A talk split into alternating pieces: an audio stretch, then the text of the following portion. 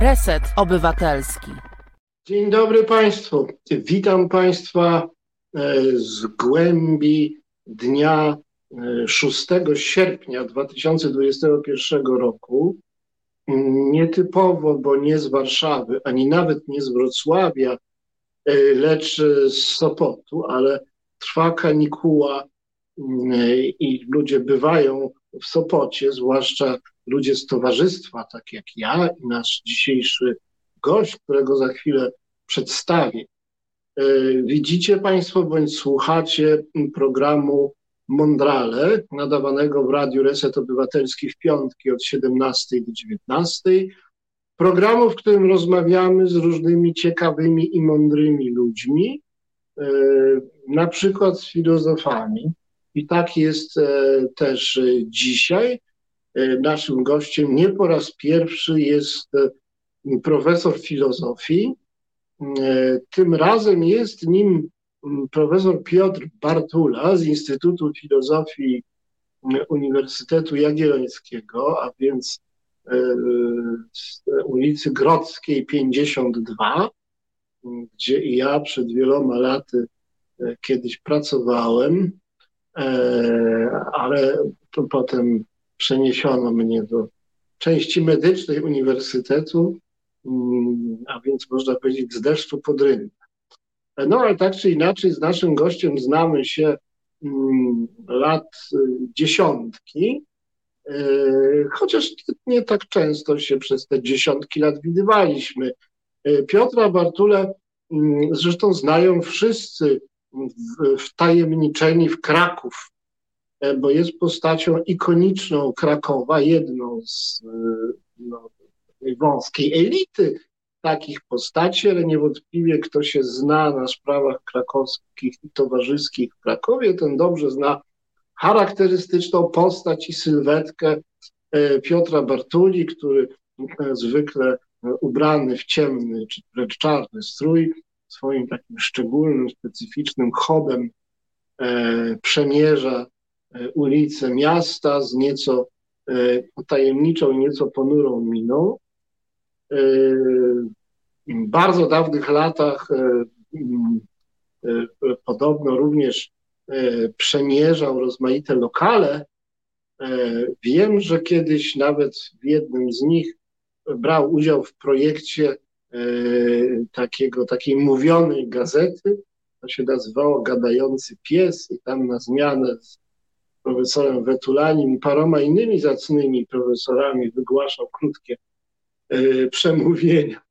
E, w Krakowie wszyscy wiedzą, kim jest Piotr Bartula, e, w innych miastach niekoniecznie, ale z jednej rzeczy jest bardzo znany, bo mm, ma swoją teorię dotyczącą kary śmierci, której nie, nie odrzuca całkowicie, a wręcz dopuszcza w pewnych sytuacjach będziemy sobie o tym pewnie jeszcze mówić, bo to przez lata w każdym razie był jakiś taki sztandarowy dyskurs e, Piotra Bartuli, ale tak w ogóle jest filozofem społecznym, filozofem, filozofem politycznym, który chyba nie lubi sam siebie określać, ale rozpoznawany jest raczej jak, bardziej jako prawicowy niż lewicowy bardziej jako taki indywidualista czy, czy y, libertarianin niż powiedzmy kolektywista i, y, i lewicowiec. E, więc pewnie jako taki jest rzadkim okazem w całym Radiu Reset Obywatelski, które jest e, ogólnie nieprzyzwoicie lewackim medium. No i tym lepiej, tym lepiej. Myślę, że Piotr Bartula jest tak pogrążony ironii, autoironii i zagadkowości, że trudno będzie tak mm, nawet po tym programie mieć jasność w temacie Piotra Bartuli, ale przecież nie po to tu jesteśmy, żeby mieć jasność. Miasto nasze Kraków jest miastem pełnym niejasności, spowitym mgłami, podejrzliwości, nieszczerości, konwenansów. Jest bardzo trudnym e, e, miastem, e, jakimś takim społecznie, towarzysko uciążliwym, trochę nadętym, trochę jakimś takim, no nie, nie można powiedzieć, poufałym, ale w taki sposób nieczysty, taki, taki jakiś intrygancki. Rządzą tam różne układy i hierarchie i konwenanse i Piotr Bartura, podobnie jak ja, mm, przyjął w tym mieście pozycję e, enfant terrible. No nie wiem, czy można być enfant po 60, ale nawet po 50, ale powiedzmy, mm, że te dzieci straszne pozostają dziećmi na zawsze. E, ale to nie są łatwe i typowe kariery. Zwykle w Krakowie trzeba być oportunistą, czekać na, na swoją kolej, trzymać e, ze swoimi przełożonymi e, i być ogólnie grzecznym i ustosunkowanym. E, mówię o tym, bo no myślę, że dobrze by było, gdyby dwaj, dwo, dwoje strasznych dzieci, tak? Dwaj enfants terribles, e, czy dwóch, un enfant, dziecko, to dziecko, czyli dwóch enfants mogli się, mogli się wymienić uwagami na temat, na temat miasta. Przyszło mi to do głowy, dlatego że jestem w mieście, które obaj bardzo lubimy, czy Trójmieście, które bardzo obaj lubimy, bo tu jest zupełnie inaczej. Ludzie są bardziej szczerzy, otwarci, demokratyczni, mniej pretensjonalni, e, bardziej towarzyscy w taki sposób, powiedzmy, właśnie otwarty, a nie, a nie skryty, skryty, zamknięty w bardzo wąskich kręgach za zamkniętymi drzwiami. E, I panują stosunki łatwiejsze, szczersze, E, może to, e, może o tym stanowi lasy, a może to e, ten duch kaszubski, który tutaj wieje tędy i owędy, a może trochę tam zdrowa mieszanka żywiołu niemieckiego i polskiego taki efekt dała. Może to, że ludność jest w większości napływowa, czy prawie cała jest napływowa i nie ma tych zasiedziałych, nadętych różnych rodów i rodzików. To zresztą jest mit, proszę Państwa, że Kraków jest trzymany w garści przez stare rodziny krakowskie, kto się tam nie urodził, nie ma tam czego szukać. To nieprawda. Znaczna większość e, Krakówka, czyli uprzywilejowanych krakowian z elit, wcale się tam nie urodziła. Ja zresztą też się nie urodziłem w Krakowie, tylko we Wrocławiu. Piotra zaraz zapytamy, gdzie się urodził. Piotrze, co sprawia, że wolimy Gdańsk od Krakowa? No, y, pytanie ciekawe, y, na które trudno znaleźć. No, jeżeli się gdzieś żyje, to zawsze się woli żyć gdzieś indziej, tak mi się wydaje. Tam dobrze, gdzie nas nie ma. Takie jest y, y znane, znana wypowiedź poety. No i ja się z tym zgadzam, no bo trudno mi y, ocenić alternatywną moją biografię w Gdańsku i porównać z tą biografią realną w Krakowie, tak? Więc moja biografia w Gdańsku miała wszystkie zalety, y, mianowicie lepsza, lepsza pogoda, y, mniej klaustrofobii na pewno, która w Krakowie nas dusi, męczy i utrudnia w zasadzie oddychanie nie tylko powietrzem, ale także oddech intelektualny. No, mówi się, że ludzie w Gdyni, w Sopocie, w Gdańsku są szczęśliwsi, bo mają no, lepsze niebo e, i e, e, nawet rzadziej trzeba prać koszulę niż w Krakowie, więc jest pewna oszczędność no, dla filozofa no może nie jest to najważniejsza właściwość filozoficzna oszczędność, ale powiedzmy, że nie jest to najgorsza z cech filozofów oszczędność, tak? Więc nie musimy chodzić do pralni w, Gdańsku, no a poza tym, no faktycznie jest to y, bardziej kosmopolityczne miasto, miasto, które się kojarzy jednak z, z takim międzynarodowym jakimś y, stanem Y, społecznym, jeżeli przyjeżdżam do Gdańska, no to widzę jednak ludność właśnie niemieckojęzyczną, anglojęzyczną, francuskojęzyczną. I to są trochę lepsi turyści, mi się wydaje, tak nawet na oko, tak, to znaczy z wyglądu, bo turyści w Krakowie to są głównie ci nowi Anglicy, którzy się charakteryzują przede wszystkim tym, że są odwrotnością y, Sherlocka Holmesa i jego tweedowych marynarek, tak? Y, raczej są niedbale ubrani i chyba nawet nie wiedzą, gdzie się znajdują. Y, zanieczyszczają zarówno, zarówno głosowo, jak i zacho... Właściwie oni nie mówią, tylko się zachowują, no, raz lepiej, raz gorzej. Także filozof nie ma kontaktu z tym mm, angolosaskim turystą krakowskim, ponieważ on nie mówi, on się tylko zachowuje. Raz lepiej, raz gorzej, ale w zasadzie można go scharakteryzować behawioralnie, ale nic nie wiemy, co on w zasadzie sądzi o czymkolwiek, bo nawet nie wie, gdzie się znajduje. No, Gdańsk no ja mam dużo znajomych w Gdańsku oczywiście, którzy przyjeżdżali do Krakowa i chwalili sobie właśnie Kraków, że w Krakowie jest lepiej, a w Gdańsku to właściwie nie wiadomo co robić, bo życia nocnego nie ma, a w Krakowie właśnie, jak wspomniałeś, no jest go sporo.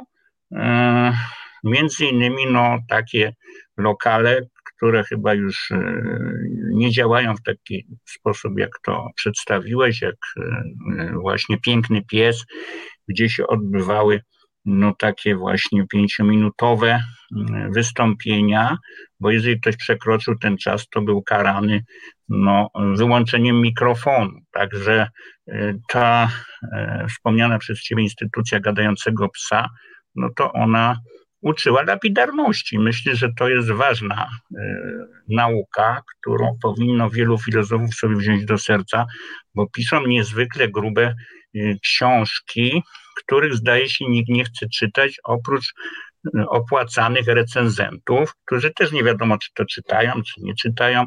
W każdym bądź razie udają, że piszą recenzję z czegoś, co im przedstawiono do, do, no, do do wglądu, no i tak to się jakoś mm, kręci. Więc ja osobiście y, to tylko dołożę do tej twojej charakterystyki mojej osoby.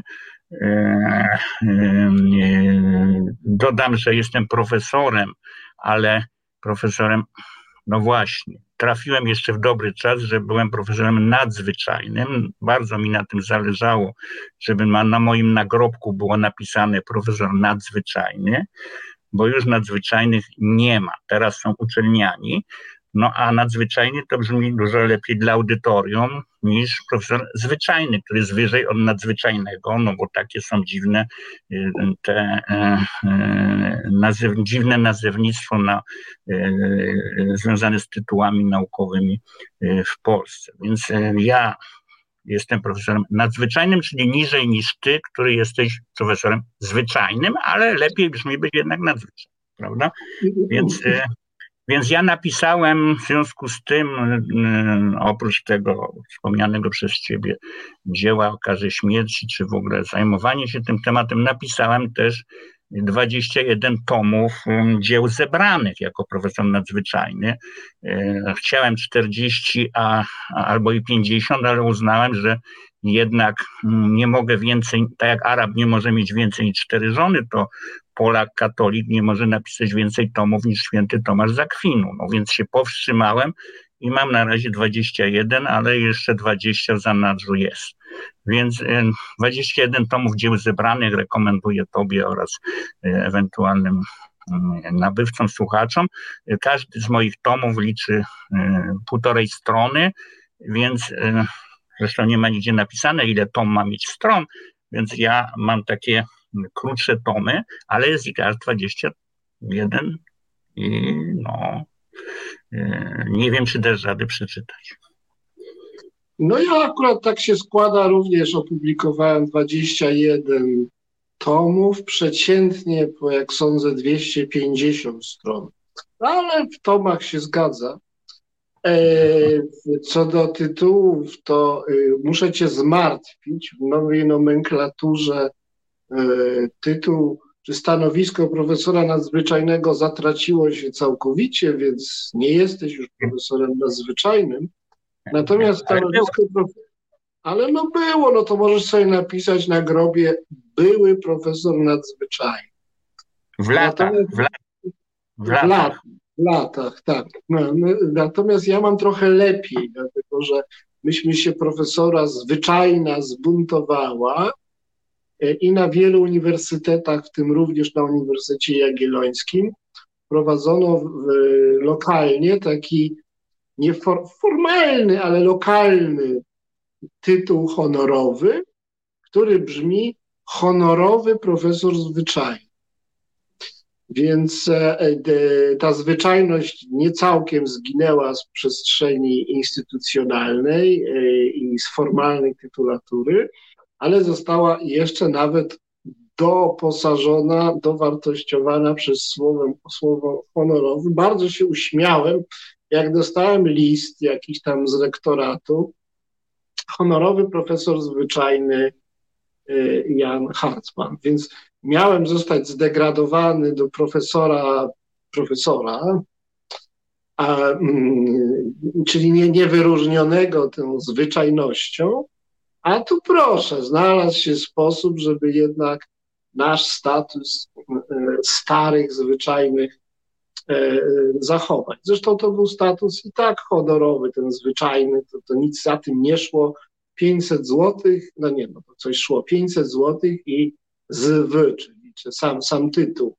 E, a teraz idzie za tym jeszcze mm, ów honor. No więc jestem honorowym profesorem zwyczajnym, a ty jesteś byłym profesorem nadzwyczajnym. I takie są realia, mój drogi. Ale w Polsce, w Polsce e, nawet o byłych prezydentach, ministrach dalej się mówi, panie ministrze. E, no w Krakowie panie... zwłaszcza, w Krakowie zwłaszcza, więc będziemy do siebie mówić e, e, wedle naj, najwyższych naszych tytułów. E, natomiast powiedz mi, jak ty znosisz to, że właśnie w tym Krakówku musisz siedzieć na tej takiej pozycji no, mm, kogoś, kto nikomu nie zagraża, więc można go tolerować, zawsze był, jest i będzie mm, do pogrzebu, na który się łaskawie niektórzy wybiorą. Wiesz, jak to w Krakowie te pogrzeby wyglądają. Od takie pogaduchy towarzyskie trzeba się pokazać. Jeden na dłużej, drugi na krócej. Kto ważniejszy, to na krócej. No wiadomo, jak jest.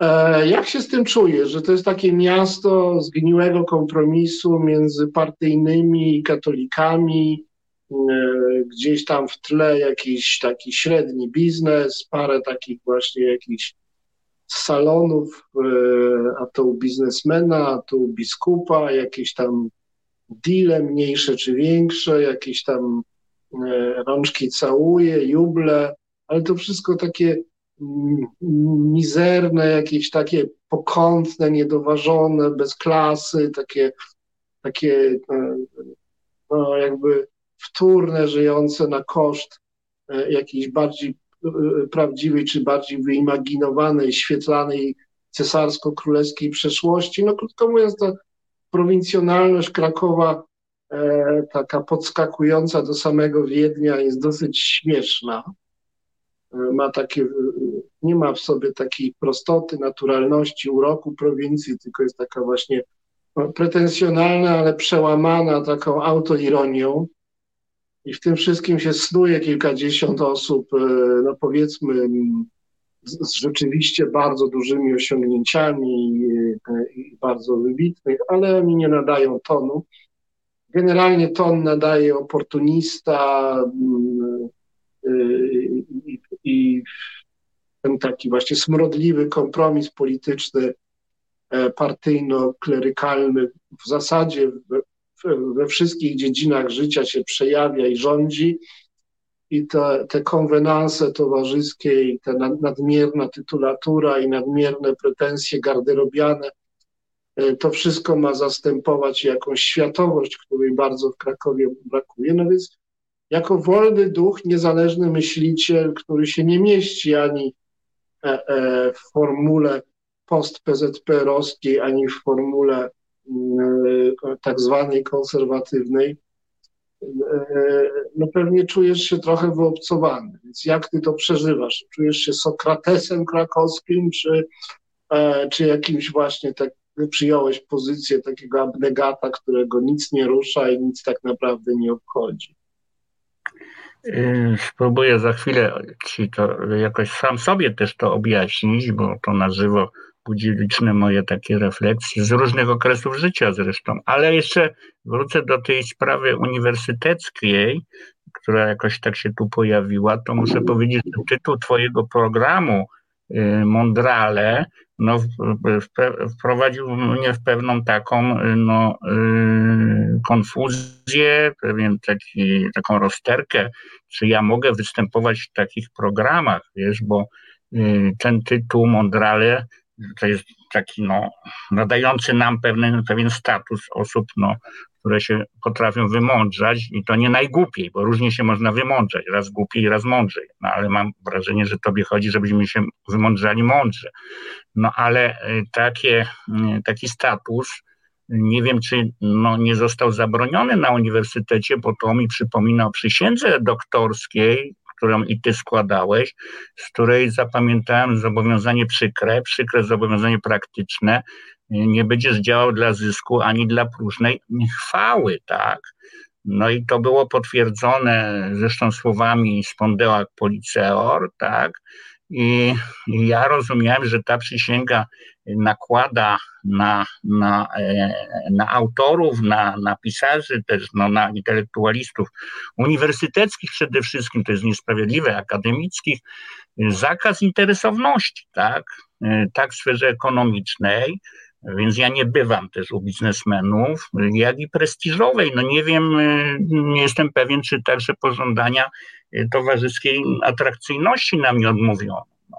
Y, jak chodzi o tą pierwszą część tej, tej, tej, tej roty, średniowiecznej zresztą, to, no to jej spełnienie nie jest takie bardzo trudne w Krakowie, ponieważ tutaj nie można zarobić podobno w ogóle pieniędzy. Wszyscy wędrują do Gdańska lub do Warszawy, żeby zarabiać pieniądze. Więc tutaj, czy to kwestor, czy w ogóle taka, takie skomstwo krakowskie, no ułatwia, ułatwia tak, to spełnienie pierwszej części tej, tej roty, tej przysięgi. Natomiast tą drugą sprawą jest dużo trudniej, tak, ponieważ po trzecie potrzeba uznania, prestiżu, no właśnie tej chwały, no, w środowiskach intelektualnych, e, e, środowiskach filozoficznych i, i artystycznych jest no, prawie instynktowna, tak? Tego my potrzebujemy, żeby jednak no, e, no pewnie, że, że, że nieważne ktoś mówi, ile kto, ludzi nas czyta, ale każdy myśli w głębi duszy, że milion czytelników też by się przydał, tak? No więc y, no, ja miałem wątpliwości, czy nie należałoby tutaj wystąpić w ciebie anonimowo jednak. E, tak, żeby sprostać temu, tej przysiędze, no a, no bo ona obowiązuje, była dana i już, tak, chyba, że profesor nadzwyczajny jest z tego zwolniony, to już nie wiem, czy to, to, to, to później jest, jest jakaś, y, jakaś możliwość y, tęsknienia, już, już, już zaniechania tej, tej, tej, mm, tej, tego, tego, e, tego te, te, tej e, sprostania tej, tej, mm, tej przysiędze. E, no ale ponieważ ja się zorientowałem, że twoje radio Reset Obywatelskie jest niszowe, więc to nie zwiększa ryzyka utraty anonimowości, tak? Więc no, Także zresztą czytelnictwo jest tak niskie w Polsce, że też nie zwiększa utraty anonimowości, więc ja uznam, że mogę mówić pod własnym nazwiskiem, ponieważ to niczego nie zmienia, tak, tak naprawdę. Tak naprawdę niczego nie zmienia. Także Piotr Bartula, tak właśnie teraz mogę powiedzieć o sobie, że to jestem ja i mówię jako ja, E, jak ja mówię w pierwszej osobie liczby pojedynczej, bo to niczego nie zmienia tak naprawdę w mojej sytuacji społecznej w Polsce, w Krakowie, gdzie e, nie wiem, czy jest tak, że jestem aż tak znany. No, długo już żyję, no to, to, to jakoś tu e, się zakorzeniłem, ale prawdę mówiąc, właśnie nie wiem, czy ta charakterystyka enfant terrible tutaj jest właściwa ponieważ no, ja nie szukam jakiegoś takiej przekory, tak? Nie chodzę gdzieś, żeby przekornie się zachowywać, bo to, mm, no to był, był taki tak zwany chłopak czy dziewczyna na opak, to też właściwie jest z góry przewidywalne, co on powie, tak? Powie odwrotnie niż establishment mówi, niż mainstream mówi, no i to w zasadzie jest on na tej samej linii, że tak powiem, przewidywalności, co ten z mainstreamu, tak? No więc, więc tutaj chyba bym się od tego odżegnywał. No amfautery w Krakowie to może był na przykład Stefan Kisielewski, który pisał w Tygodniku Powszechnym, ale ale zawsze odwrotnie tak niż ta linia główna katolicka, bo był trochę takim liberałem, trochę konserwatystą, trochę realistą politycznym, ale de facto, de facto no, trzymał z tymi otwartymi katolikami, ale chodził też do tych PZPR-owców, tak, żeby z nimi pić wódkę, bo katolicy jakoś mniej tej wódki pili. Więc y, w wódce była chyba więcej prawdy niż w winie, więc chodził po prawdę do, e, do klubu Gruszka, gdzie mógł się tam z tymi tak zwanymi komunistami e, czy dziennikarzami komunistycznymi pogadać o rzeczywistości, a nie tylko o ideach podniebnych i tak dalej, i tak dalej. Więc ja mm, nie wiem, jakbym siebie scharakteryzował, bo nawet nie też persona non grata, e, ale myślę, że taka główna linia mojego życia to jest jednak Kraków podziemny, prawdę mówiąc, nie salony, Y, choć urodziłem się w Krakowie, to, to tak o to też pytałeś chyba na początku. Urodziłem się w Krakowie y, na ulicy Kanoniczej, no i wędrowałem w różne miejsca krakowskie. Y, teraz jeszcze mieszkam na Jadwigi z Łobzowa, czyli na takim terenie ubocznym i to jest w zasadzie taka to, to, to myślę, że to miejsce, w którym ja się teraz znajduję, to jest takie miejsce no, właściwe dla mnie. Nie centrum, tylko takie troszeczkę y, spacerowanie w oku miasta. To bym się uznał za takiego jednak bardziej spacerowicza, y, y, może nie całkiem outsidera, bo to taka pozycja też mi nie odpowiada, bo jestem jednak tym profesorem nadzwyczajnym. No, chciałem być nikim, prawdę mówiąc, i mi się nie udało, tak? I mi się nie udało tak? Ale nicość jest mi bliska, y, także kluby nocne y, są mi znane, ale kluby, gdzie się jednak dyskutowało cokolwiek, tak? No więc jeżeli dawne czasy piwnicy pod baranami można wspominać teraz tylko jako, powiedzmy, taka świetlana przeszłość y, dawnego zapyziałego Krakowa, taki strzał donikąd w czasach PRL-u, gdzie jakieś tam postacie kolorowe się znajdowały. Między innymi ten Watolani, który był tam konwers, kon, kon, przez jakiś czas był też y, konferencjerem nawet w piwnicy pod Baranami, więc było środowisko takie, gdzie coś w rodzaju mini agory było, tak, że się jakieś dyskusje, mini dyskusje raz na raz, raz głupiej, raz mądrzej toczyły, więc no tego rodzaju miejsca, jakieś, jakieś e, miejsca, gdzie się e, były turnieje poetyckie, czyli konkursy jednego wiersza, bo, bo, poezja była e, jakoś tak na pierwszym planie i zresztą Kraków niby też uchodzi za miasto poetów, że ich jest tutaj mm, najwięcej.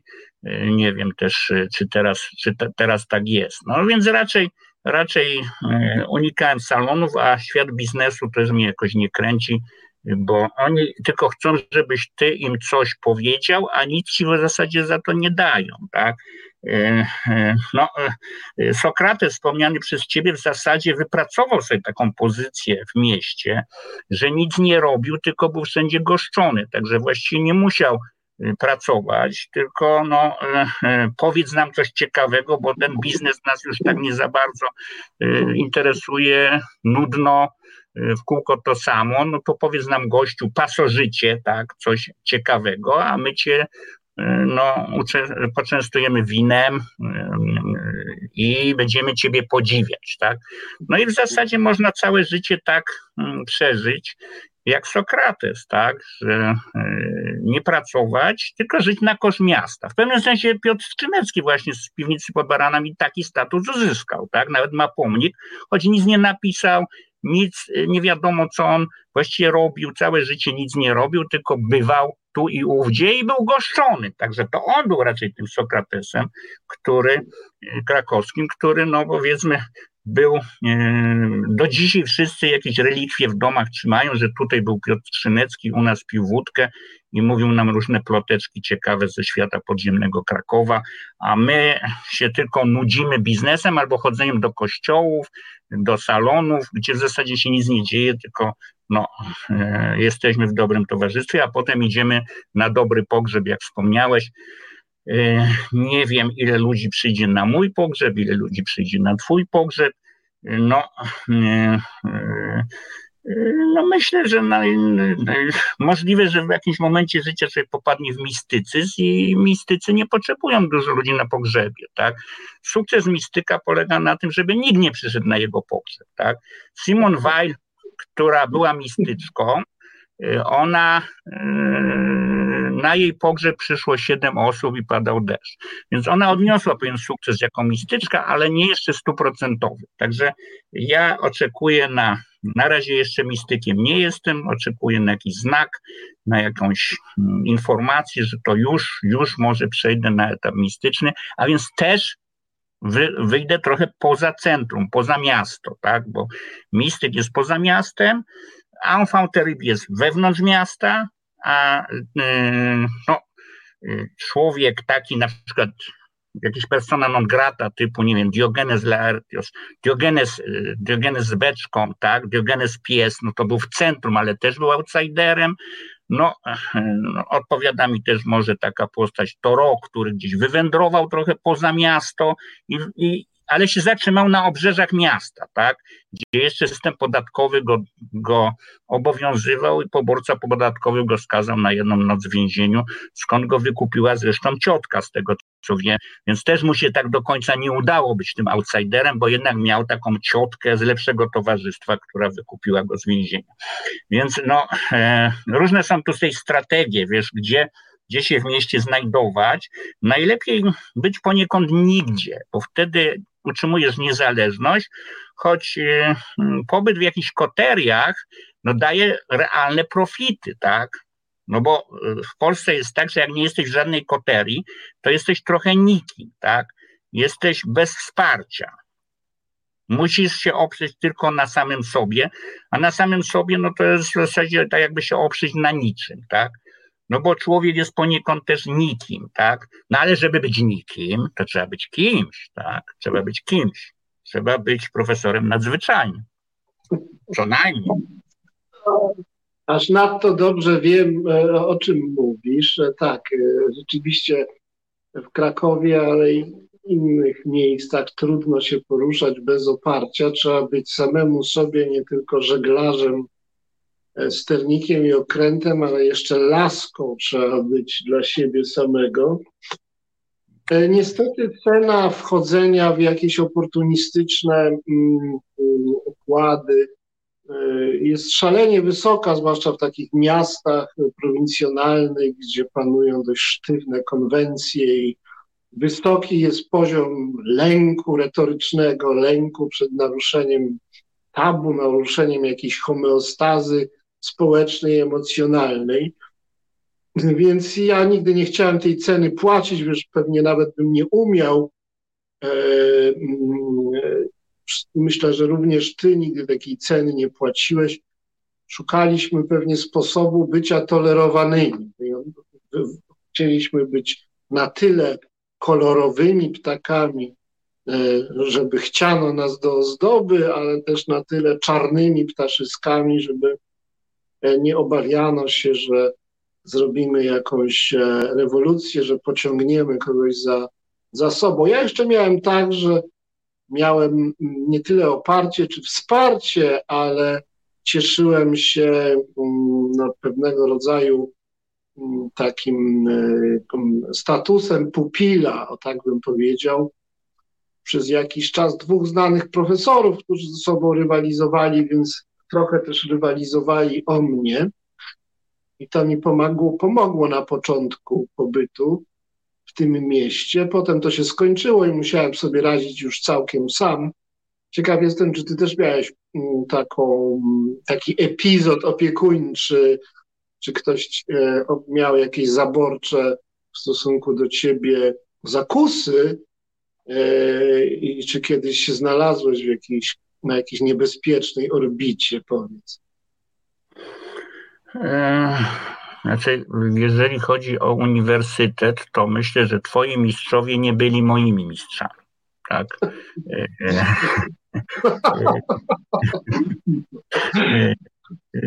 To znaczy, mam na myśli dwóch Twoich mistrzów, którzy Cię wspierali skądinąd no, z różnych chyba stref autonomicznych, tak? To znaczy chyba Władysław Stróżewski jako ten humanista, tak?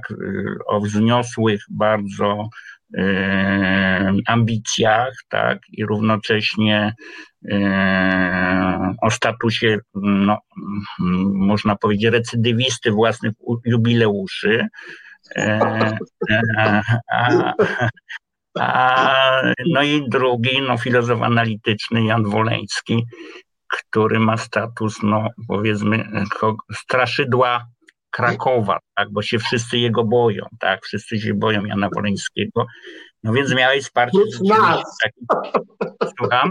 No, nas. No, ja, ja w każdym bądź razie y, staram się go nie bać, tak, staram się nie bać, ale, ale to, to nie jest takie proste. E, właśnie jak tu, albo jak udawać, że się człowiek boi, żeby zadowolić kogoś, komu na tym zależy, tak. No to, niektórzy, niektórym zależy, żeby się ich bano, no to ja czasami idę na rękę takim osobom, tak jak i są osoby, którym zależy na tym, żeby mieć cały czas rację, no więc też czasami chętnie przyznam, ale najlepiej już jak ktoś mi za dużo chce mieć tej racji, to mu każe sobie zapłacić i wtedy ja mu oczywiście za sowitą opłatą mogę przyznać bez żadnego mrugnięcia okiem tą rację, na której mu tak zależy. Natomiast jeżeli chodzi o wsparcie moje, no to była inna osoba, no, którą też znasz, to e, z uniwersytetu, no to ja e, miałem wsparcie, też jakąś przyjacielską raczej, no, e, taką opiekę, która się przerodziła w realną przyjaźń już starsze, młodszego ze starszym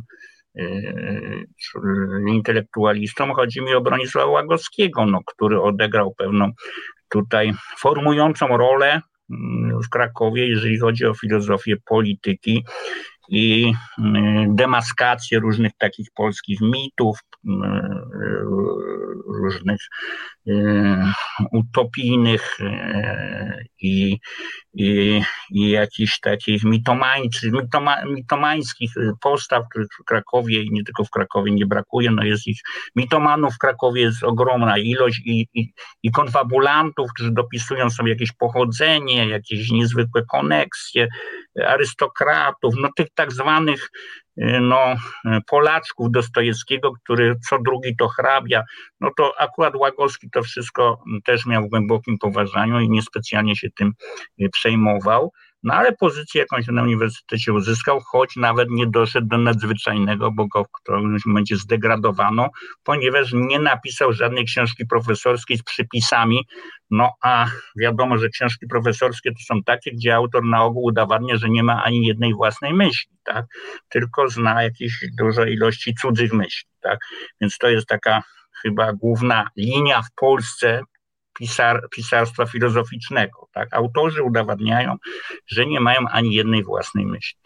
Łagowski miał dużo własnej, własnych myśli, natomiast jednak nie dawał przypisów, no i, no, no i tak został jakoś hmm, troszeczkę na, na uboczu, chociaż chyba przejdzie do historii jako, jako filozof polityki z okresu transformacji, tak, przede wszystkim. Więc też to jest jakoś zlokalizowane, no nie będzie jakimś takim uniwersalnym myślicielem powszechnym, tylko trochę lokalnym.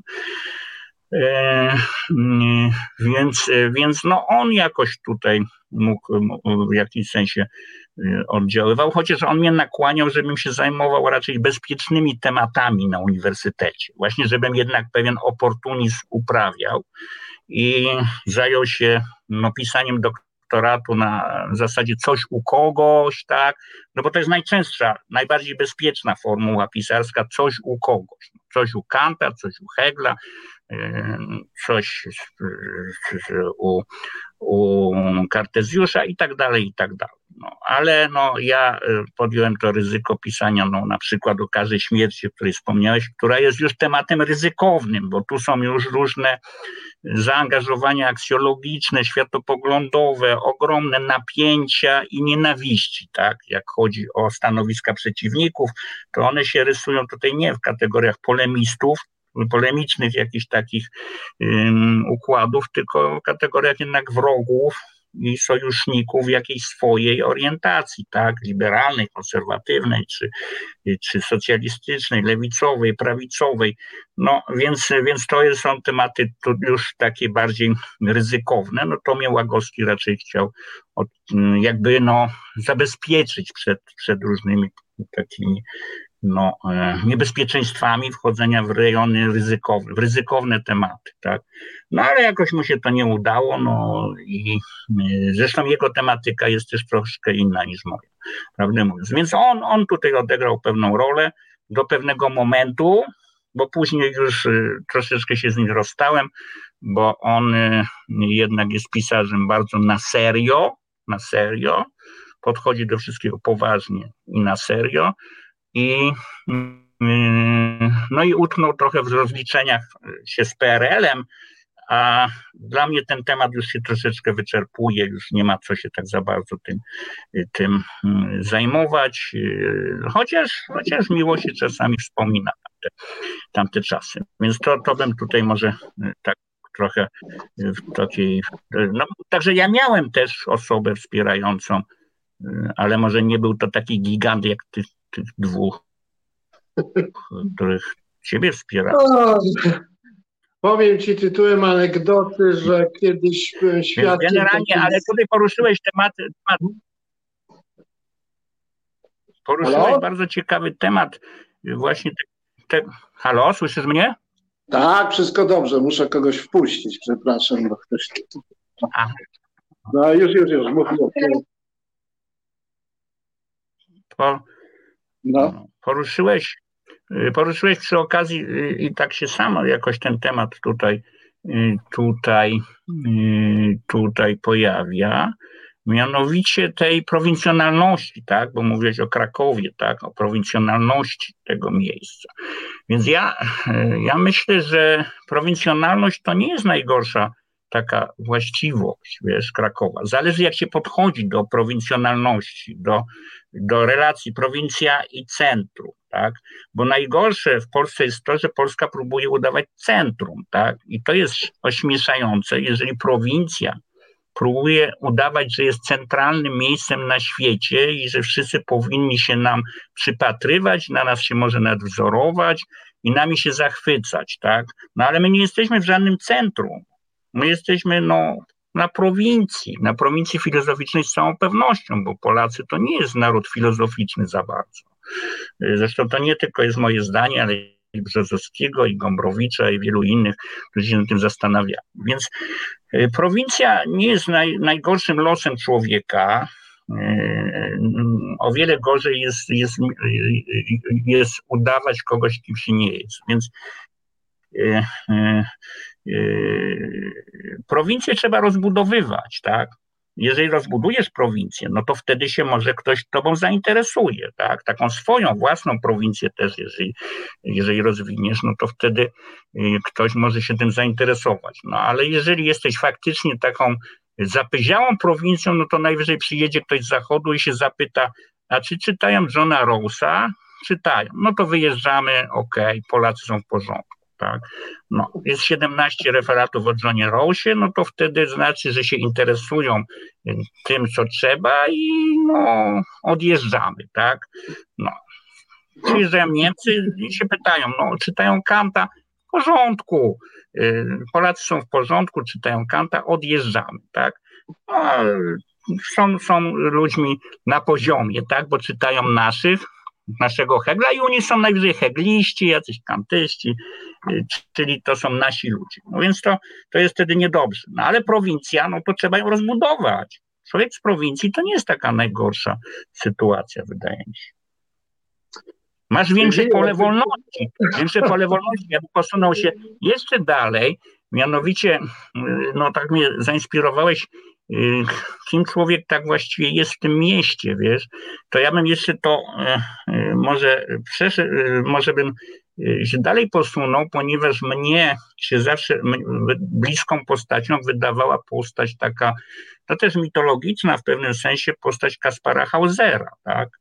który no, yy, yy, chyba jest najdalej oddalony od tego świata społecznego, politycznego, kulturowy, kulturowego, no i właściwie to jest postać, która kwestionuje tą opinię Arystotelesa, że człowiek jest z natury stworzonym do bycia w państwie, tak?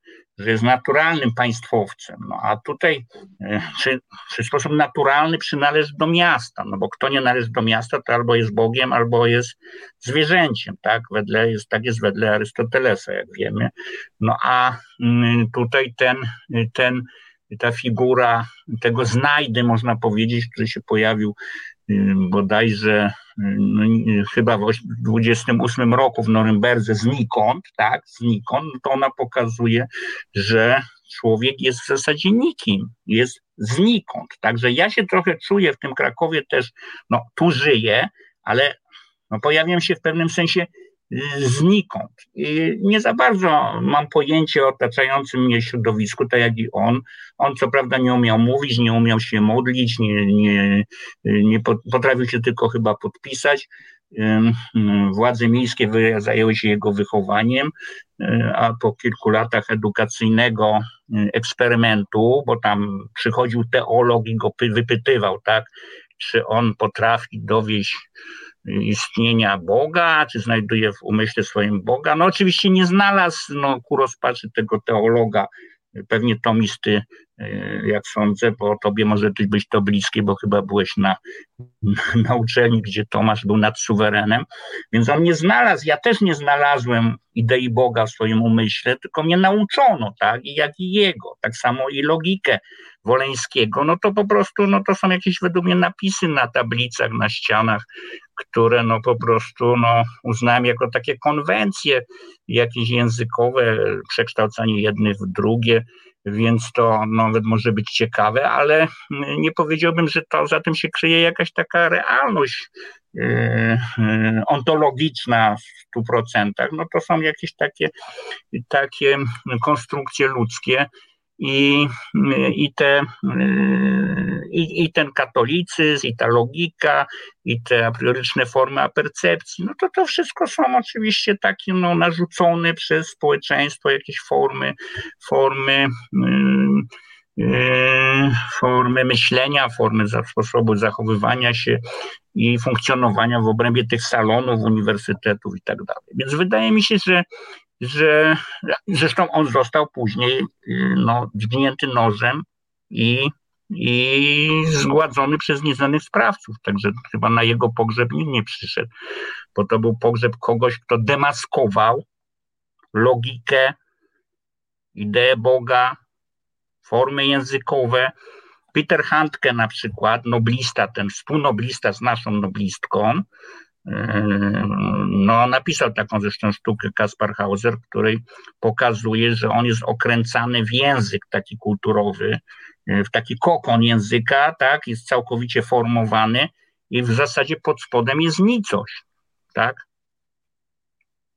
A formy kulturowe, religijne to jest to, co, co nam narzuca zewnętrzne otoczenie, w którym byśmy się znaleźli. No, znaleźliśmy się w Krakowie, znaleźliśmy się w Polsce i to wszystko, co co, co, z czym żeśmy się urodzili przed społeczeństwem, znikło, bo nas wypełniono tymi różnymi formami kulturowymi, tak jak i jego. No a jak zaczynasz to demaskować, to możesz być dźgnięty nożem przez nieznanych sprawców, albo poczęstowany cykutą, jak ten Sokrates, który też trochę no, za daleko przeszarżował, tak? Trochę tam zaczął za bardzo e, no, podskakiwać, że tak powiem, w obrębie tego tego y, y, polis.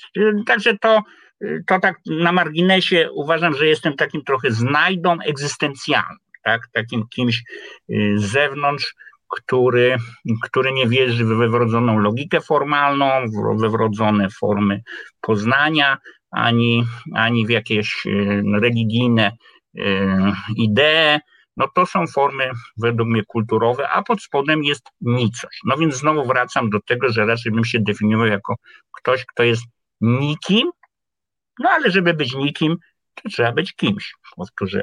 No, e, e, więc nigdy bym nie wpadł na to, że mógłbyś, czy można by ciebie określić przy wsparciu figury Kaspara Hausera.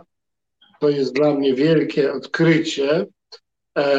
Mm, bardzo się cieszę, że mieliśmy okazję wysłuchać tej antropologicznej, wprawdzie na własnym przykładzie, ale ogólnie znaczącej, filozoficznej, antropologicznej wykładni człowieczeństwa jako e, czystej formy e, pretensji fantom do, do fantomowej tożsamości, która okazuje się zawsze na, ostatecznie tylko e, formą, ostatecznie okazuje się umową, konwencją mm, i tworem zewnętrznie konstruowalnym. To bardzo ważna myśl, która jest bardzo wyzwalająca, bo każdemu dająca szansę na bycie nikim, czyli na zażywanie tej wolności, która nie obciąża, która nie, nie nakazuje e, e, znosić własnej egzystencji, nie czyni człowieka niewolnikiem żadnej e, metafizycznej instancji, żadnego wielkiego ja, mm, nie pozwala mu czuć się osamotnionym, wyobcowanym. Piotr Bartula jest więc człowiekiem wolnym, niewyobcowanym, gdyż tak lekkim, e, że nie ciąży mu nawet własna egzystencja, e, nigdzie nie jest na marginesie, bo liść, którym powiewa wiatr, jest raz tu, raz tam yy, i nie musi ustawiać się względem żadnego centrum. Mamy więc okaz niezwykłej, prowincjonalnej, yy, samodekretującej siebie wolności, a więc figurę filozofa prawdziwego, filozofa, który nic nie musi, filozofa, który, e, którego centrum świata jest dokładnie tam, gdzie on w danej chwili się znajduje, czyli na przykład będą to krakowskie planty. A więc e, osiągnęliśmy pewną miarę przygodności, akcydentalności, która jest niezbędna do tego, żeby zastąpić uzurpację wyróżnionego punktu widzenia czymś intelektualnie wiarygodnym, czymś, co nie jest stronniczością, e, złą subiektywnością, czymś, co nie jest e, pretensjonalnym, e, nieuzasadnionym, roszczeniowym absolutyzmem, lecz jest właśnie intelektualną wolnością. To, proszę Państwa, jest żywy okaz intelektualnej wolności, która się zjawiła pośród e, krakowskiej, prowincjonalnej, pretensjonalnej śmieszności. I niech to będzie konkluzja pierwszej części, e, bo za chwilę zagramy piosenkę. Skoro mamy już definicję e, Piotra Bartuli łamane przez Kaspara Hausera z Krakowa, Piotr z Krakowa, Petrus Krakowia. E, e, to będziemy mogli porozmawiać. Łobzowa. Słuchał z Łobzowa. A właśnie, a propos, była taka piosenka, przyleciał ptaszek z Łobzowa, usiadł na rynku Krakowa, a satarasa, satarasa, usiadł na rynku Krakowa. To jest najbardziej absurdalna piosenka ever, ale to jest absurdalne miasto, i, i ono śpiewa absurdalne piosenki o sobie. E, e, o Jadwidze z Łobzowa nikt nie słyszał, e, również o ulicy Jadwigi z Łobzowa nikt w Krakowie nie słyszał, poza może trzema mieszkańcami tej ulicy. Nie mam nawet pojęcia, w jakiej jest dzielnicy, na pewno w jakiejś bardzo odległej i nieważnej. Na pewno jest tam bardzo ładnie i rośnie dużo drzewek owocowych. No i to jest właśnie to. To jest właśnie to. Więc e, Jadwiga z Łobzowa, Łobzów, Asa, Tarasa, e, kompletne szaleństwo i wariactwo. Zostawmy ten zaczarowany Kraków, który się zachłystuje swoją czarownością mm, e, i więcej poza tym nie ma nic do powiedzenia. osobie i przejdźmy do spraw ważniejszych. Ja po, po przerwie na piosenkę, która niewątpliwie będzie śliczna, chciałbym Cię zapytać o taką rzecz, jako że żyjesz już dość długo, to pewnie masz na ten temat jakąś opinię. Czy nasze czasy są szczególne? Czy jesteśmy, mm, no, przyszło nam żyć w czasie wyjątkowym, rozstrzygającym, przełomowym, kryzysowym? Też wszystko już było? Czy mamy się bać? Czy jesteśmy w normie i podlegamy tym samym no, y, zasadom polityki realnej, i realnej socjologii i, i nihilnowi i trzeba zachować spokój i wszystko jakoś się ułoży. To jest moje pytanie na po piosence, a teraz proszę Państwa, jak zwykle mniej więcej o tej porze piosenka. Słuchasz Resetu Obywatelskiego. Reset Obywatelski działa dzięki Twojemu wsparciu. Znajdź nas na zrzutka.pl. Dzień dobry raz jeszcze w programie Mondrale nadawanym na żywo 6 sierpnia 2021 roku. E, dzisiejszym naszym gościem jest e, pan profesor nadzwyczajny, jak sam podkreśla Piotr Bartula. E, nasz program jest, jak widzicie Państwo, arcyspołeczny, nadawany jest wobec tego siłami swoich słuchaczy. Proszę nas nie zapominać. Prosimy o wpłaty na zrzutce, na Patronite. E, I bardzo dziękujemy panu Pawłowi za Barbaru, który jest naszym nie po raz pierwszy i nawet może nie po raz dziesiąty e, wydawcą. Przed przerwą pytałem Piotra, co z nami będzie, czy jesteśmy w czasie osobliwym, szczególnym, czy po prostu tak już jest że prawie zawsze czasy wydają się przełomowe i niebezpieczne. E, bardzo czekam tej odpowiedzi, ponieważ Piotr przyjmuje pozycję arcyrefleksyjną i ma ogromny dystans do świata. E, w związku z tym jego odpowiedź jako osoby chłodnej i może więcej znaczyć niż e, na przykład moja odpowiedź, bo ja jestem szalenie namiętny, ekstrawertyczny yy, i, i, histeryczny. Bardzo cię proszę, Piotrze, odpowiedz z pozycji, odpowiedz z pozycji antyhisterycznej. To znaczy, no muszę zrobić jakiś trochę dłuższy może wywód chwilowo, no nie wiem jak długi. W każdym bądź razie sam powiedziałeś, że, kto, że, że już sporo żyjemy na tym świecie.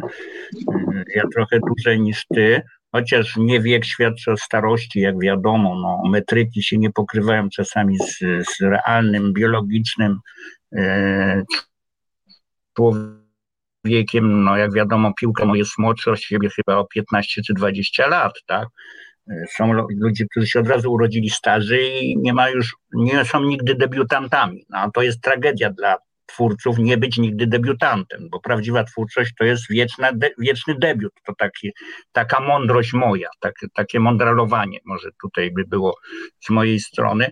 Natomiast jeżeli mówisz o tym długim życiu, no to faktycznie e, no, to, to z kolei e, no, może konkluzja mojego wywodu byłaby taka, że kto długo żyje, ten żegna wiele systemów wartości, które wydawałyby się w danym momencie jako ostateczne y, albo takie, co już nigdy nie znikną, nic ich nie zastąpi. Y, doszło już do końca y, jakiegoś procesu aksjologicznego, doszliśmy już do kresu historii, do końca historii. No wiele jest takich koncepcji, które mówią o wyjątkowości czasów, czy to in plus, czy to in minus, tak? No ale mm, kto długo żyje, no to wie, no tak jak my, w każdym razie ja, no nie trzeba, no być może, że trzeba młodszym, y, a w każdym razie tym lewicowym to może nie trzeba, ale może właściwie trzeba przypomnieć, że ideowym nad suwerenem no, y, minionych czasów, czasów mojej młodości, był niemiecki filozof Karol Marx, tak? Y, głoszący właściwie, że, że ustrój demokracji ludowej jest nie tylko możliwy w konkretnych warunkach ekonomicznych, ale także powszechnie pożądany i, i właściwie historycznie nieunikniony.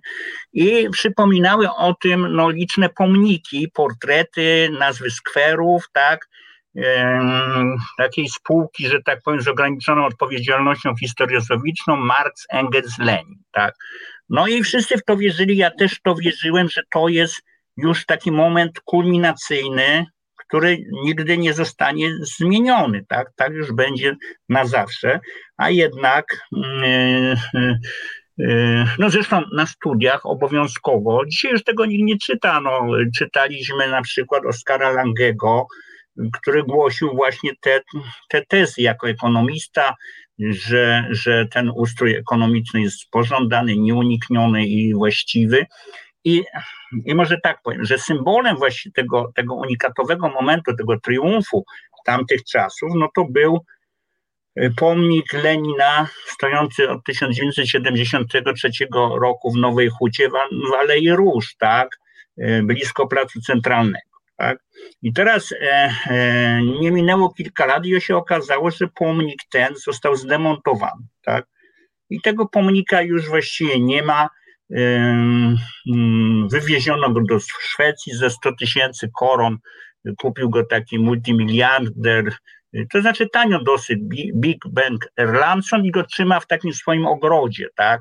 Pod Sztokholmem, może sobie odwiedzić. Szkoda, że ja go nie kupiłem, bo bym sobie też powstawił na Jadwigi z Łobzowa, tego wielkiego Lenina. I tutaj byłoby centrum świata chyba turystycznego, bo ja miałem zresztą taki projekt, żeby tego Lenina nie usuwać, mm, ale oczywiście był to projekt kawiarniany, no bo nikt tego nie słuchał na serio, tylko spuścić na niego taką klatkę przeźroczystą w takim design, designerskim szkle, i Lenin byłby w klatce. Taki artefakt, postmodernistyczny projekt, mógłby mm, tam przyjechać na odsłonięcie tego pomnika na przykład Żyżek, y, jako taki no właśnie postmodernistyczny leninista, odsłonić tę nową wersję Lenina w klatce przeźroczystej, wspaniałej, pięknej, designerskiej, opakowanej.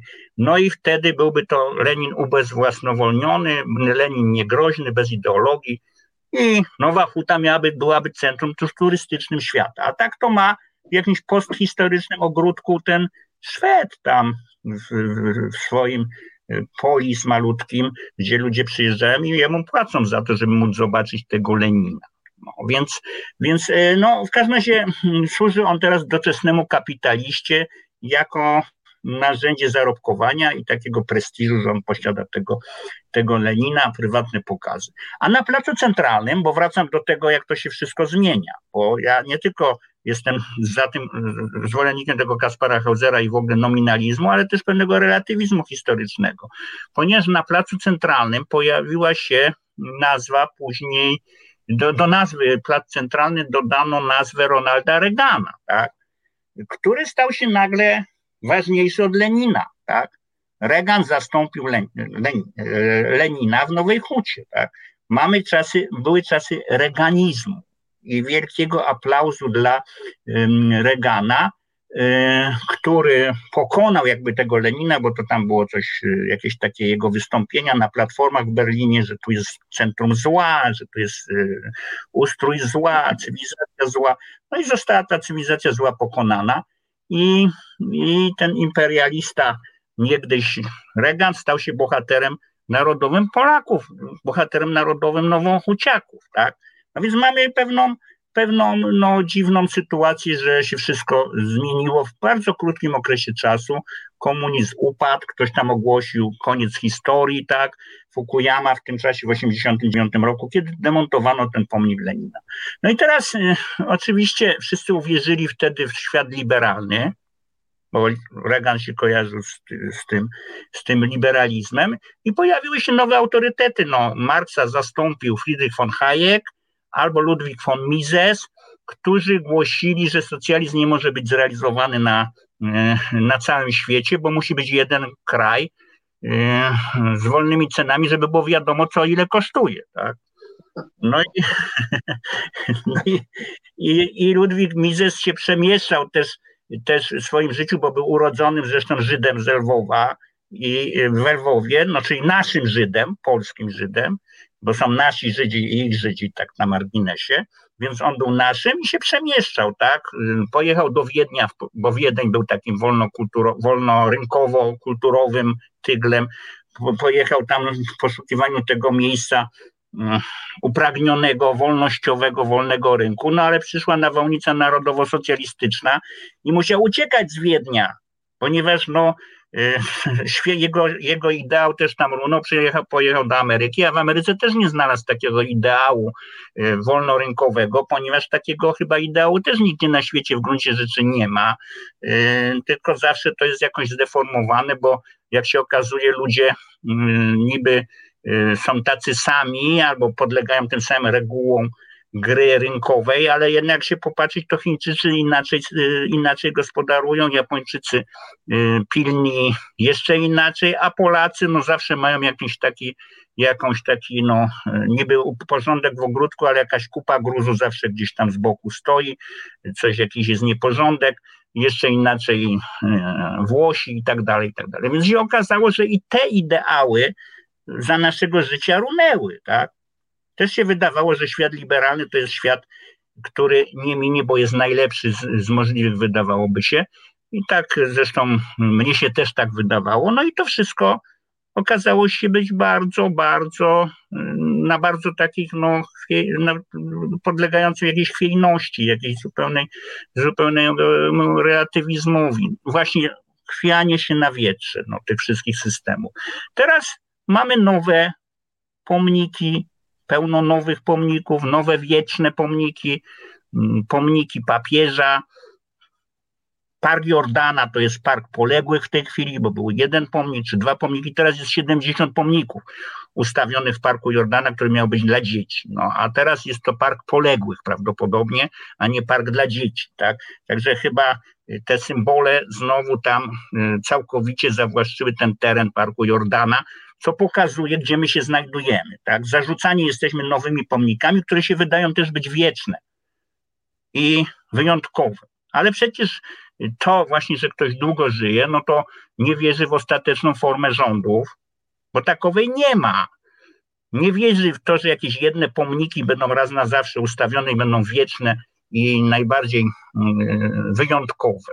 Także nasze czasy nie są bardziej wyjątkowe od tych krót, od tych innych, o których wspomniałem, bo nie będę sięgał do I wojny światowej, która też miała swoją wyjątkową odsłonę, czy II wojny światowej, która też była czasem wyjątkowym, tak, była promocją, wielką promocją książki Adolfa Hitlera. Tak, udaną promocją, bo wyrobił sobie nazwisko. Więc y, to jak chcesz mieć dobre nazwisko, to musisz wywołać chyba drugą wojnę, trzecią wojnę światową, to wtedy może, może będziesz czytany, tak. Yy, to jest taka metoda promocji książek za pomocą akcji wojennych. To, to tak na marginesie, bo niektórzy mają takie ambicje autorzy, żeby być znani na całym świecie, a nie tylko na prowincjach. Więc, więc ja mm, skutek tego, tych doświadczeń moich własnych, tak, czyli powiedzmy od czasu schyłku PRL-u, które były czasem zresztą tak zwanego międzyczasu, bo to był taki moment też, że się jeden ustrój zawalił, ale drugi się jeszcze nie pojawił. Taka była latencja demokracji y, liberalnej, a upadek demokracji ludowej, czyli tak zwanego realnego socjalizmu. I był taki moment, właśnie libertariański, myślę, w którymś momencie tam, y, taki pusty, pusta karta historii, jak to mówił Hegel, że właściwie nie ma państwa jest taka przydrożna sprzedaż kiełbasek, hot dogów, grzybów i tak dalej. Nie ma księgowości, nie ma e, fiskusa za dużo, wszystko jest baterową wymianą. No, trwał taki agoryzm, można powiedzieć, nomado agoryzm e, tych demoludowych ludzi, którzy przyjeżdżali z kremami do, na Węgry, tam kupowali dolary, mm, kupowali dżinsy w Czechach i tak dalej, i tak dalej. Więc były, był tam tak zwany jeszcze międzyczas. Więc przeżyliśmy dwa ustroje za naszego życia i międzyczas, tak zwany bezkrólewie.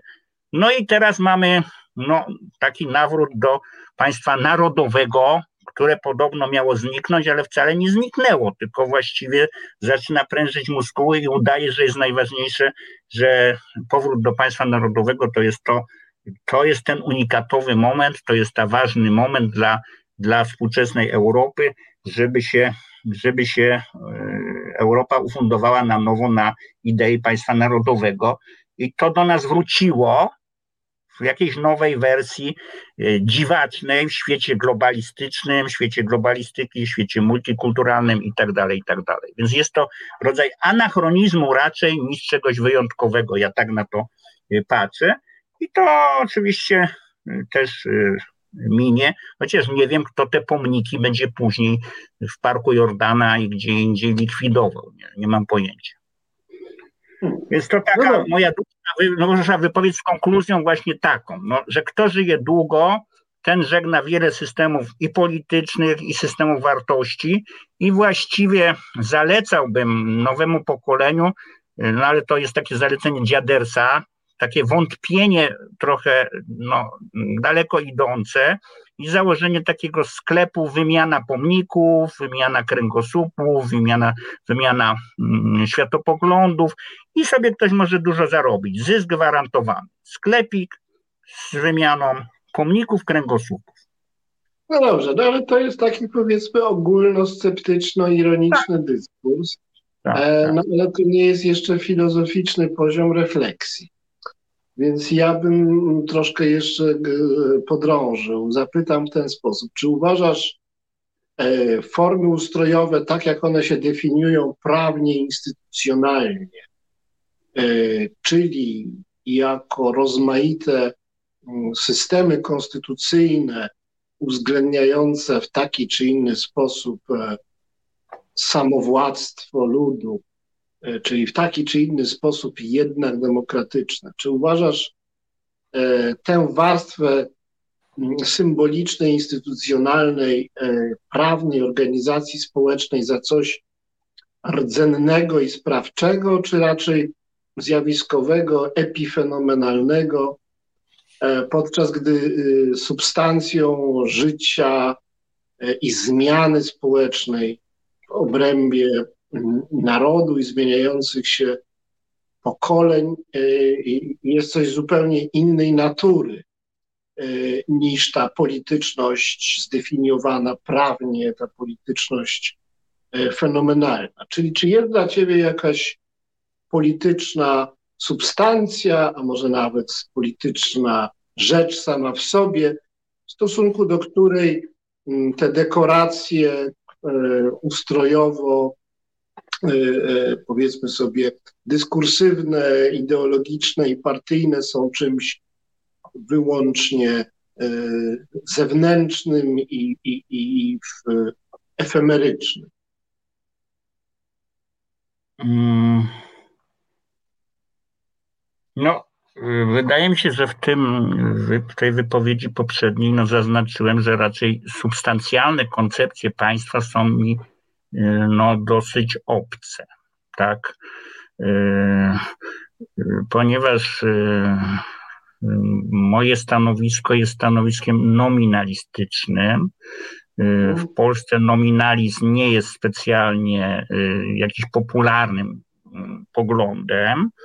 E, raczej dominuje realizm pojęciowy, taki właśnie tomistyczno-arystotelesowski, czyli wersja albo umiarkowana, albo radykalnie platońska też. To są popularne stanowiska, natomiast nominalizm jest nieobecny.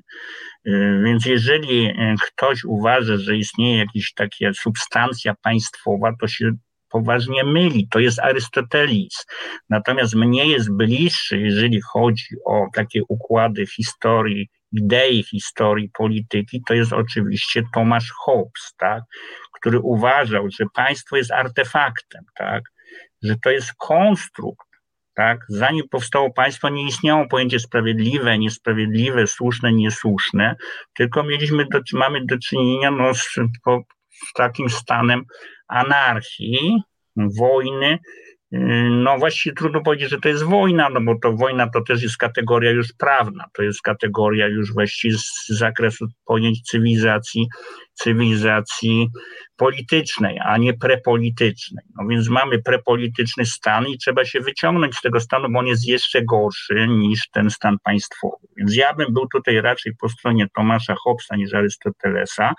Wydaje mi się, że Tomasz Hobbes był anarchistą doprowadzonym do rozpaczy, tak, że się nie da, nie da się żyć w stanie bezpaństwowym i dlatego musimy go wytworzyć, tak?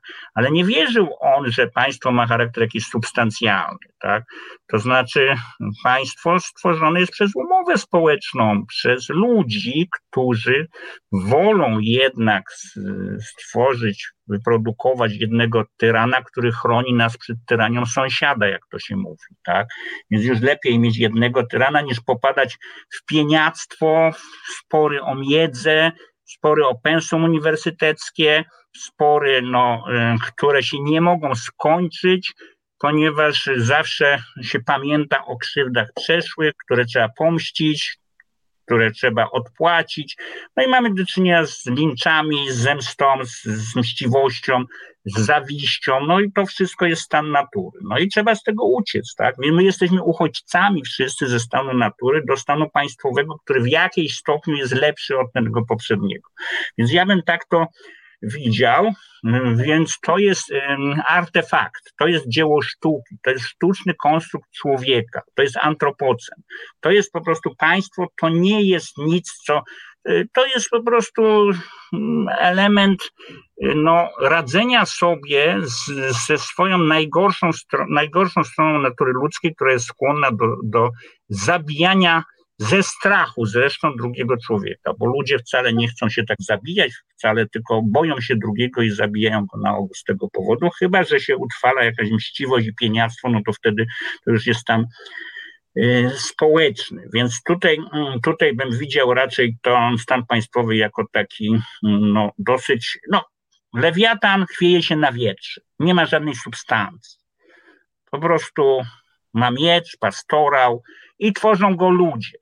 Więc wszystko tworzą ludzie, nie tworzą się systemy. Także jeżeli mamy, mamy e, w społeczeństwie więcej sceptyków, racjonalistów, e, antyfaszystów, antyksenofobów, tolerancjonistów czy indywidualistów, no to mamy do czynienia z innym systemem państwowym. Natomiast jeżeli mamy do czynienia z substancjalistami, z fundamentalistami, z esencjalistami, z, z ludźmi, którzy przywiązują, nadają jakiś status, wiesz, ontologiczny murzynom, gejom, lesbijkom, kobietom, mężczyznom, no to mamy do czynienia z innym systemem politycznym. Wszystko tworzą ludzie. Wszystko tworzą ludzie. Nie tworzą się systemy znikąd. Tak? No, więc, więc tak bym to powiedział. No, mógłbym rozszerzać. Bardzo, bardzo klasycznym stanowisku w gruncie rzeczy oświeceniowym. Tak, tak. E, e, jednak jest jakaś substancjalność polityczna, tylko ona jest zredukowana do natury ludzkiej, która może być pojmowana albo właśnie tak E,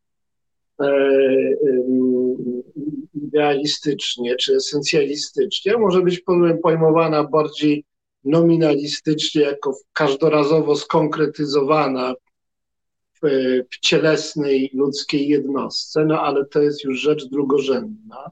Tak czy inaczej, fundamentem polityki jest Twoim zdaniem to, co e, e, jest niepolityczne samo przez się, bo mianowicie człowieczeństwo. No i teraz wobec tego nasuwa się pytanie, czy mm, jest jakiś metafizyczny czy ontologiczny dopust w człowieczeństwie, jakieś obciążenie ontologiczne, które każdy musi znosić jako pewien system możliwości i ograniczeń, konieczności i, i, i niemożliwości, ukształtowany naturalnie, ukształtowany biologicznie, ukształtowany tak czy inaczej, może kulturowo, ale już jednak ukształtowany. No jeśli tak, to, to, to co takiego, jakie atrybuty tego człowieczeństwa skwantyfikowanego niech będzie nominalistycznie, czyli podzielonego na jednostki i żyjącego realnie w tych jednostkach, jakie atrybuty e, E, sprawiają, że w ogóle mamy szansę żyć w jakiejś szczęśliwej i uczciwej wspólnocie i czy takie atrybuty są. Krótko mówiąc, czy my jesteśmy zdolni jako wspólnota wychować kolejne pokolenia e, zdolne do szczęśliwego życia pospólnego, czyli zdolne do tworzenia takiego lewiatana, e, w którym da się żyć po prostu. No, znowu mnie prowokujesz do jakiejś y, no, e, polemiki, ponieważ człowieczeństwo to jest też podejrzana kategoria. I mogę, no, y, Y, no, takim mm, myślicielem, no, który jest, y, rekomenduje to pojęcie człowieczeństwa, no jest oczywiście Immanuel Kant, no, wielki myśliciel europejski, tak, fundam, fundamentalny dla, dla myślenia Europejczyka.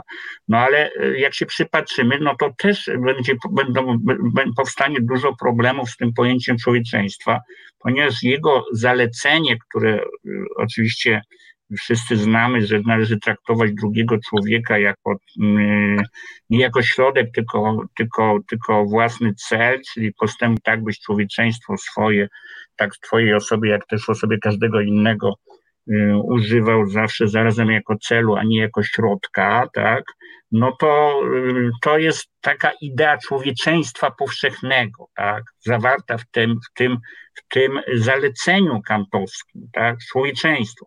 No i oczywiście teraz jest pytanie, czy to pojęcie człowieczeństwa się pokrywa z realnymi ludźmi, którzy istnieją na Ziemi, niezależnie od istnienia tego imperatywu kategorycznego. No wiadomo, że znają to powiedzenie, to zalecenia humaniści y, pochodzenia niemieckiego, francuskiego, angielskiego, znają to nawet na ujocie był kiedyś Tybetańczyk, tak, czyli Dalaj Lama, który też cytował Kanta, też go znał, Także mm, e, znają go Amerykanie, Afroamerykanie, e, no, kobiety, mężczyźni, geje, wszyscy znają to zalecenie e, Kanta i wydaje nam się, że to jest niepodważalne. No ale później, jak wchodzimy w realność, to okazuje się, że jest trochę inaczej. No bo ja słyszałem, że głosił to powiedzenie kantowskie o człowieczeństwie, narodowy socjalista Martin Heidegger, tak, kiedy obejmował katedrę we Fryburgu w 1933 roku, ale to samo zalecenie głosiła jego uczennica socjalistka, tak, e, uchodźca później z Niemiec, czyli Hanna Arendt, tak, no, która ze względu na to swoje pochodzenie musiała uchodzić z tego miejsca, gdzie jej e, nauczyciel oraz kochanek głosił to samo zalecenie, które ją kazał, jej kazało uciekać z tego miejsca, tak? No więc e, potem zresztą, jak wiadomo, relacjonowała proces Eichmana, który podczas swojego procesu mm, zrobił wykładnie tego przecież kantowskiego zalecenia o człowieczeństwie, jakoś tak to brzmiało, postępował w taki sposób, że maksyma twojej woli była zgodna z wolą Firera, tak? Bo Firer tworzy prawo. Firer tworzy prawo, no co prawda miał tworzyć aż do, do, do Uralu, no ale w zasadzie w aryjskim układzie na całym globie. Tak? I teraz e, e, z kolei tej wykładni Eichmana, który czytał Kanta, bo go pytali podczas procesu, czy on czyta, tak, tak właśnie zinterpretował, ale sąd izraelski nie podzielił tej wykładni Eichmana, tylko zgodnie z, z innym rozumieniem Kanta i człowieczeństwa wziął i go powiesił, tak, skazał go na karę śmierci, tak, która była tym moim ulubionym tematem, o którym wspomniałeś na początku tego naszego spotkania. No więc okazuje się, że jak mm, dojdziemy, dochodzimy do, do realności, do rzeczywistości, to mamy do czynienia z różnymi ludźmi, którzy reinterpretują to pojęcie człowieczeństwa, polityzują je i poddają je własnej woli. Tak? Ostatecznie Eichmann został powieszony, ona napisała książkę Eichmann w Jerozolimie. Eichmann powiedział, że on wcale się nie martwi, że będzie powieszony, za niedługo się wszyscy spotkamy, to znaczy nie wiem gdzie w zasadzie on sądził, że się spotkamy, nie wiem w co on tam wierzył. No i potem no, wykonano karę śmierci i rozproszono jego prochy nad Morzem yy, Śródziemnym. Nie ma pochówku, nie ma cmentarza, bo z kolei Kreon izraelski go wykluczył z ludzkości jako zdrajcę ludzkości. Tak? Hanna Arendt była tutaj antygoną w tym układzie. No, generalnie rzecz biorąc, mamy do czynienia ze splotem okoliczności, który pokazuje, że nie ma, że pojęcie człowieczeństwa traci sens. Jak schodzimy do realnych wykładni tego pojęcia przez tych ludzi, przez tych filozofów, którzy się skądinąd znali, znali i się wzajemnie obserwowali. Więc cóż ja mogę po powiedzieć o pojęciu człowieczeństwa? Oczywiście, jeżeli porzucimy pojęcie człowieczeństwa, to co nam zostaje, tak? Takie jest pytanie, takie jest pytanie. Tak? Zostają nam później może tylko mm, pojęcia prawne francuskie, angielskie, polskie, niemieckie i tak dalej, więc y, formy ustrojowe są znowu takie dosyć relatywne, dosyć względne, w zależności od tego, jaka jest kultura danych, danych no, ludzi, zgromadzonych na, pewnych na pewnym terytorium. Tak? No więc mamy do czynienia z relatywizacją tego, tego pojęcia człowieczeństwa. Ja osobiście nie wiem, czy człowieczeństwo istnieje, nie mam takiej pewności. Sądzę, że to jest pewna figura, figura, taka postulat oczywiście. Więc ja, mm, ja no, notabene samo to powiedzenie później zreinterpretował Karol Marx po swojemu, tak? Po swojemu. To, to, to, a dalszy ciąg już znam. Więc, y, więc y, no, czy istota rzeczy istnieje, czy istnieją istoty rzeczy, czy istnieją substancje, no to jest to pytanie, no jedno z zasadniczych pytań filozoficznych, tak? Czy istnieje substancjalność człowieka? Czy istnieje człowieczeństwo? No jeżeli nie istnieje człowieczeństwo, to może istnieje żydostwo, może istnieją Anglicy, Persowie, Francuzi i Polacy, no ale wtedy też będziemy mieli do czynienia z realizmem pojęciowym w odniesieniu do narodów, co jest równie niebezpieczne jak i to pierwsze człowieczeństwo, tak? Więc mamy do czynienia z problemem no, dosyć zasadniczym, tak?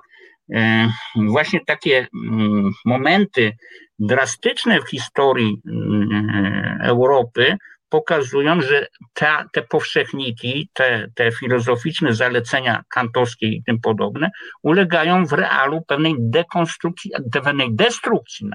Tak? I, I trzeba się pogodzić, trzeba przetrzymać upadek pojęcia człowieczeństwa i przetrzymać nominalizm, tak? że się da żyć, da się żyć bez substancji, bez substancji. Właśnie jako ten Kaspar Hauser jako Hobbes, który, który wytwarza to samo, co Kaspar Hauser, wytwarza sztuczne światy. To bardzo ciekawa deklaracja i wyzwanie. Wszyscy mamy być Kasparami, Hauserami. Wszyscy jesteśmy wezwani do nominalistycznej nieokreśloności, bo tożsamość jest tyleż skonstruowana, co zawsze opresyjna. To w gruncie rzeczy brzmi szalenie ponowocześnie i dekonstrukcjonistycznie, e, mimo że podstawy takiego stanowiska w przypadku Piotra Bartuli są akurat klasycystyczne i konserwatywne, ale wynik jest ten sam. Teraz zagramy drugą, drugą piosenkę, ale chciałem po tej piosence jeszcze podrążyć to, bo to jest, no weszliśmy w filozofię już taką czystą, no ale to nic dziwnego. E, bo ja mam wątpliwości, czy ta figura pustego, mm, tej pustej jednostki, tego nominalizmu formalistycznego, sama w sobie nie jest pojęciową wydmuszką. E, e, Piotr Bartula chowa się w jednostkowości, która jest pusta w środku. Dokonuje nominalistycznego samozaniku, samonegacji. Proszę zauważyć, że na byt pojedynczy nie ma nawet nazwy więc ucieka w wolność nominalistyczną, formalną, ostatecznie w wolność nicości. E, tym samym okazuje się jakoś nihilistą, ale podstawą tego nihilizmu miał być humanizm. Więc moje pytanie ostatnie po piosence będzie o to, czy można być nihilistycznym e, humanistą, czy jakimś posthumanistą, post, postnihilistycznym, E, i w ogóle co my mamy z tą postawą nominalistyczną, wolnościową właściwie zrobić jako realni ludzie z krwi i kości, którzy jako żywo jednak puści w środku całkiem nie są. To jest zadanie filozoficzna zagadka e, dla Piotra Bartuli na po piosence, a teraz druga piosenka tradycyjnie w naszym pytaniu. Słuchasz Resetu Obywatelskiego. Reset Obywatelski. Medium, które tworzysz razem z nami. Komentuj, pisz i wspieraj. Drodzy Państwo, mamy jeszcze 15 minut rozmowy przed ostatecznym przesłaniem e, Piotra Bartuli, które musi się skończyć najpóźniej o godzinie 19. Pytanie brzmiało, czy E, ten wydmuszkowy, formalny nominalizm, który tutaj zaleca nam Piotr Bartula na gruncie swojej postontologicznej i postpolitycznej antropologii e, nie jest jakimś takim nihilizmem, który ze wszystkiego nas właściwie zwalnia, mm, który jest e, ofertą dla wszystkich i dla nikogo e, i który w gruncie rzeczy jest tyleż posthumanistyczny, co antyhumanistyczny, bo w końcu humanizm to gloryfikacja człowieczeństwa, człowieczeństwo nie istnieje, humanizm to ideologia i tak dalej. Czyli krótko mówiąc, profesorze Piotrze Bartulo, jak żyć e, w nominalistycznym świecie? To znaczy, jak chodzi o ten nihilizm, to e, ciągle nas się straszy tym nihilizmem. Nie wiem, czy znasz taki dowcip. E, spotkałem wczoraj nihilistę, jeden mówi do drugiego, na przykład Bartula do Hartmana, no i co ci zrobił? Nic. Nic. No, teraz sobie możesz wyobrazić podobną rozmowę. Spotkałem substancjalizmę, substancjalistę i fundamentalistę. I co ci zrobił? No i chyba odpowiedź jest jasna. Kazał, kazał mi być takim samym jak on, tak? Bo uważał, że substancjalność to jest on. Tak? Każdy uważa, że substancjalność to jest on. To on wyznacza, tak? Oczywiście jest pewien problem, no bo jak do siebie mówić? No, yy, yy, człowiek człowiekowi człowiekiem jest, tak? No a może człowiek człowiekowi Niemcem jest, człowiek człowiekowi Francuzem jest, człowiek człowiekowi Anglikiem jest, tak? A może człowiek człowiekowi Hartmanem jest, tak? Człowiek człowiekowi Bartulą jest. No ale oczywiście jest problem, czy człowiek, człowiek, człowiek człowiekowi Hartmanem jest, ale właśnie między 17 a 19, tak? A potem już nie wiadomo, co z tym Hartmanem się dzieje, bo on już jest inny, tak? No i teraz e, człowiek człowiekowi Hartmanem jest, człowiek człowiekowi Bartulą jest, ale pomiędzy 17 a 19 i jeszcze trzeba odliczyć mruganie oczami, tak? Kiedy po prostu było jeszcze nas mniej dla siebie, tak? Więc będziemy tak powoli sobie znikać, a o 19 w ogóle się już nie będziemy widzieć. Ja nawet nie będę wiedział, kim jest Hartman. Kim był Hartman, jak się wspierał na ramionach gigantów, czyli e, Sturzewskiego i Woleńskiego, a których przecież później porzucił, porzucił i już idzie swoją ścieżką i właściwie ma chyba o nich zdanie nie tak dobre jak kiedyś, tak? A kiedyś może oni reprezentowali to substancjalne dobro filozofii analitycznej i filozofii kontynentalnej, tak? Jako takie dwa pola, które się przeciwstawiają sobie nawzajem, tak? Więc przecież teraz już ty nie wierzysz w ich substancjalność, tego Stróżyckiego, ich substancjalne dobro i właściwości filozoficzne, tylko zmieniłeś o nich zdanie i może ono jest teraz właściwsze, ale tego przecież nie wiemy do samego końca.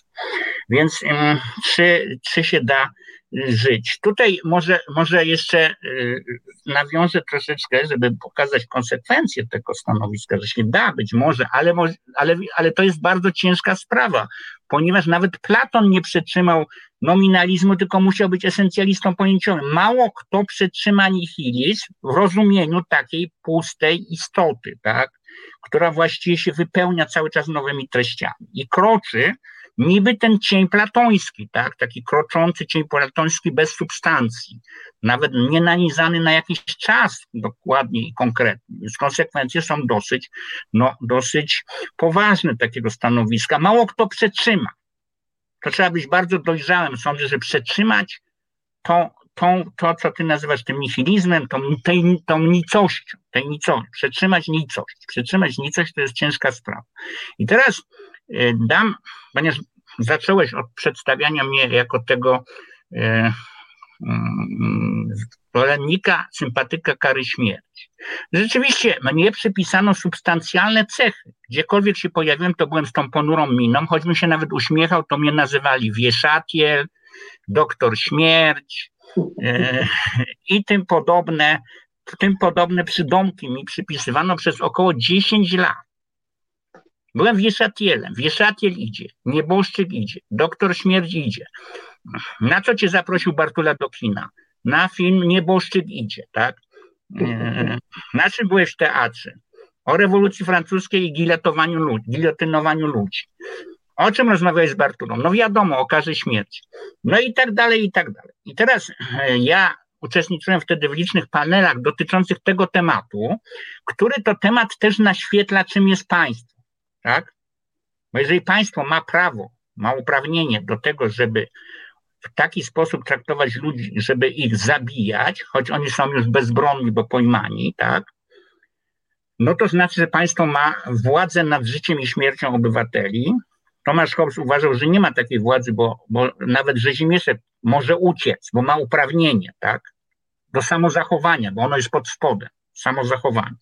I teraz w tych panelach rozmaitych, gdzie był na przykład zwolennik człowieczeństwa typu na przykład profesor Zoll, i jakiś tam katolik na ogół, taki zdeklarowany, który był, mógł być zwolennikiem czy przeciwnikiem, oni się odwoływali do substancjalności człowieka.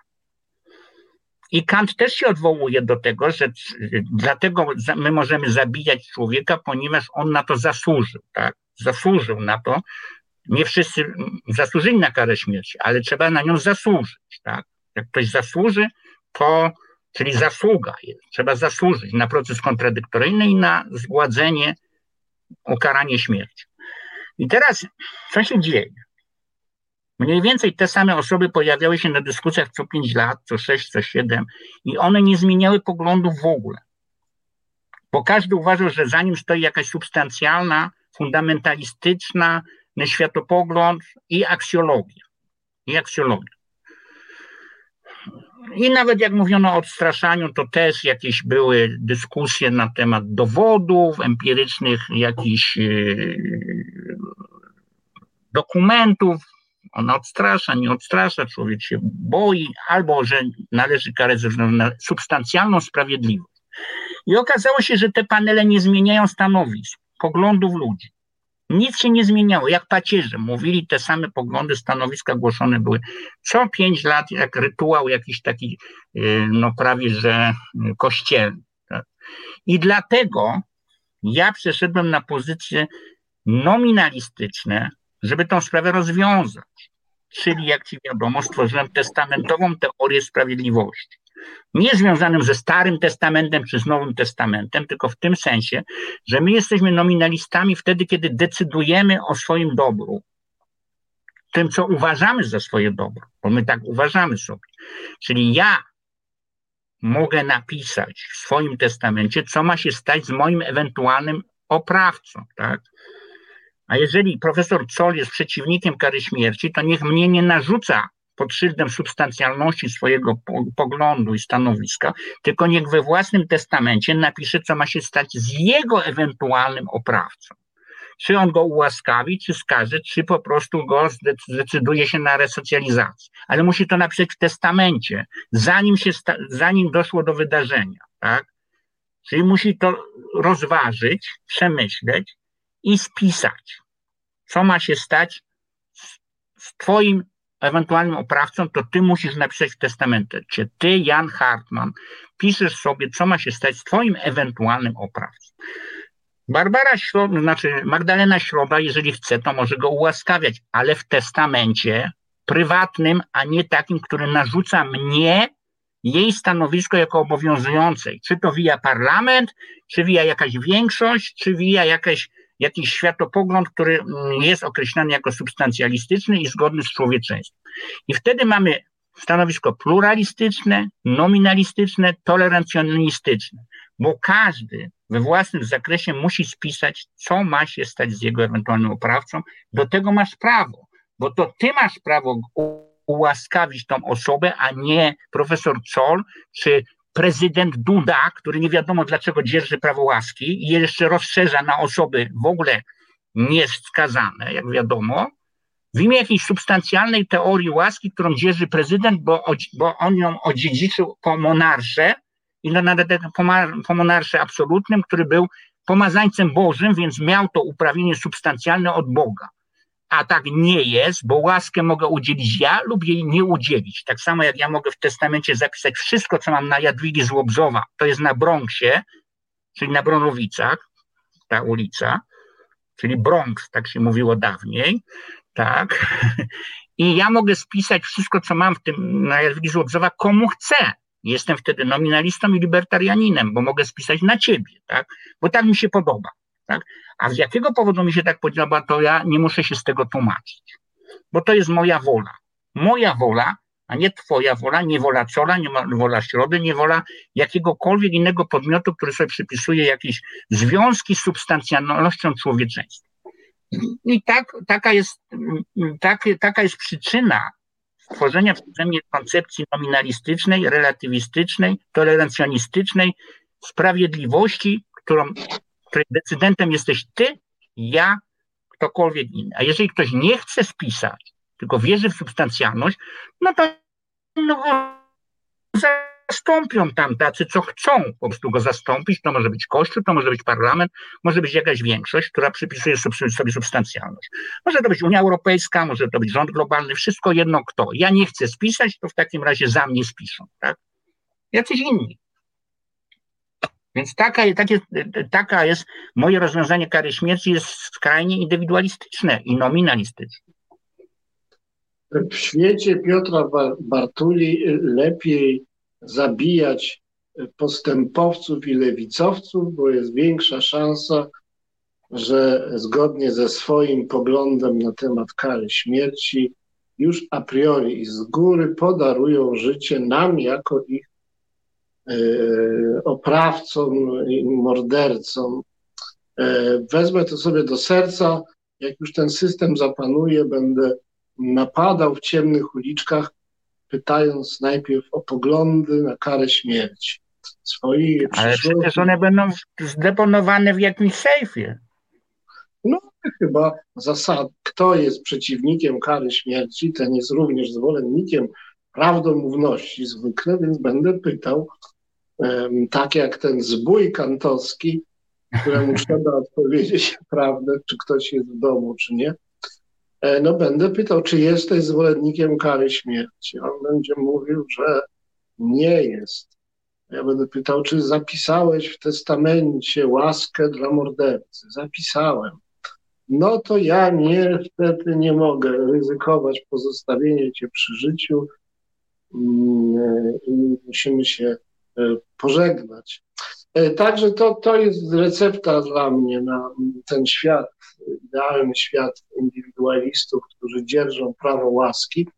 Rozciągnąłbyś je również na złodziei, to znaczy jak złapią złodzieja, e, to we mnie będzie, ja będę jak na gruncie cywilnym, to i na gruncie prawnym decydował, czy ten złodziej ma zostać tak, czy inaczej ukarany, czy taka, czy inna kara nie będzie do tego złodzieja satysfakcjonować? A propos jeszcze Kanta i tej prawdomówności i sprawiedliwości, to on jest wyjątkowy w tym, w tym zapatrywaniu, że tak właściwie jest zwolennikiem etyki absolutnej prawdomówności. Ja bym się nie schował na pewno przed zbójem do domu Kanta, tylko do domu Machiavellego. No. Bardzo zapraszam również do siebie, ja też bym nie wydał. Ale, ale powiedz jak z tym jeszcze na koniec, zanim wypowiesz swoje listu, e, swoje przesłanie Urbi et Orbi, e, albo przynajmniej miastu Kraków, e, to, to powiedz, czy złodziej też ma prawo łaski? Znaczy okradziony wobec złodzieja. No, no wiesz, no to to jest, y, ja to przyjąłem, zająłem się tylko prawem łaski takim, co zdejmuje z prezydenta i przekazuje ludziom, tak? Jako miłosiernym bądź niemiłosiernym depozytariuszom tego uprawnienia, bo nawet nie prawa. Natomiast na złodziei, no można by to w zasadzie przenieść, że jeżeli ktoś mnie okrada, okrada, okradając mnie, okradłeś samego siebie, tak? To ja mogę zamiast go mm, wysyłać do, na, na y, y, do, do jakiejś celi, gdzie będzie przetrzymywany przez pół roku, przetrzymywanie ludzi w celach to nie jest lepsze wcale od kary śmierci, może być jeszcze gorsze, w każdym razie dla mnie. No, chociaż lockdown był tutaj pod takim jakimś tym, tym podobnym stanem, to mogę zalecić, że on ma wybór, tak? Albo pójdzie na pół roku do więzienia, albo będzie mi na przykład czyścił buty przez pół roku, przychodząc na dwie godziny do mnie na Bronx, czyli na Bronowicę. Więc y, to jest jego wolny wybór jeżeli on podpisze ze mną umowę cywilnoprawną, tak, że on woli mnie czyścić buty przez dwa lata niż siedzieć w celi więziennej, to oczywiście to jest możliwe w moim, w moim systemie. Zresztą śmieję się z tego, że zwróć uwagę na sprawę Polańskiego. Jak, to, jak tutaj się sprawa rozgrywała, wiesz, kto miał właściwie możliwość ułaskawienia Polańskiego? No ta pani powinna mieć to uprawnienie, która mu przebaczyła, tak? ale dalej jest ścigany przez y, substancjalnie rozumujący wymiar sprawiedliwości, a ofiara nie ma już w tym interesu, tak? To nie jest jej interes, żeby się toczyło to w imię substancjalności, tylko mogłaby go uniewinnić, gdyby ten mój system działał, tak? Tak to musi przeprowadzać przez różne instytucje. Muszę powiedzieć, że y, karniści, czyli specjaliści od prawa karnego muszą cię bardzo nie lubić, bo ty chciałbyś odebrać im chleb i wszystkie stosunki prawne zredukować do płaszczyzny cywilnej, e, tym samym usuwając polityczność i e, państwowość pod pretekstem ich fałszywej substancjalności. E, I w takim świecie w zasadzie zniknęłaby polityka, została jakaś taka sieć relacji umowych, taka wielka tak. civitas. Bardzo piękna idea. Mm, szkoda, że nie ma tam miejsca na tony patriotyczne, mm, flagi, hymny i te wszystkie przyjemne rzeczy. Nie jestem pewien, czy ludzie by umieli tak żyć. To, to jest ustrój dla inteligentnych ludzi, ale być może tacy jak my, gdyby świat był zaludzony takimi mądrymi jak my, to jakoś by się dało. E, zostały cztery minuty mniej więcej. Chciałbym Cię prosić teraz o wzlot e, wysoko ponad e, poziomy, o tak powiedzmy, aby z tej wysokości udzielić z pełni swojej mądrości, udzielić ludom tego świata, tak, aby sobie popamiętały. Wiesz co, no, mam tutaj pewną rozterkę, bo mam przed sobą właśnie wiersz pod tytułem Nominalizm, więc ja go mogę przeczytać. Bardzo proszę. E, to jest, to jest wiersz Alfreda Andersa. E, pewnego ranka wiosną roku 1100 zakończył swoją pracę przy dzbanie z białej gliny, który zamierzał wypalać, ale nie pokrywać glazurą. Lecz nie wsunął go do pieca, nie położył także nowego kawałka gliny na tarczę garcarską, lecz zabrał suchy prowiant do, tur, do torby, opuścił święte cesarstwo i wędrował dwadzieścia dni przez lasy, kryjąc się przed rycerzami, substancjalistami właśnie, tylko niekiedy zatrzymując się w jakiejś pustelni, w zagubionym klasztorze, albowiem usłyszał, że w Paryżu człowiek nazwiskiem Rasselin, tak, to jest postać nominalisty, pierwszego nominalisty właściwie, nauczał, iż pojęcia nie są niczym innym jak głosowym tchnieniem w rzeczywistości istnieją tylko pojedyncze przedmioty, rzeczy. To wydawało mu się usprawiedliwieniem jego egzystencji, kiedy rozmyślał, że po nim nie pozostanie nic poza kilkoma garnkami z gliny. Czyli pochwała rękodzieła, kolego, dzieła sztuki. Testament to dzieło sztuki.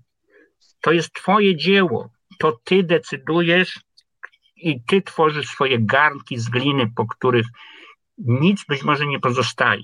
Bo substancjalizm pojęciowy prowadzi do tego, że garnki są wzorowane na jednym idealnym garnku. Masz sieciowość garnków, sieć garnków, takich samych, takich samych ubrań, takich samych garnków. A to, co robi twórca, to jest rękodzieło. To jest nominalizm, to jest pochwała rękodzieła, to jest pochwała twórczości, artefaktów i testamentów. Tak?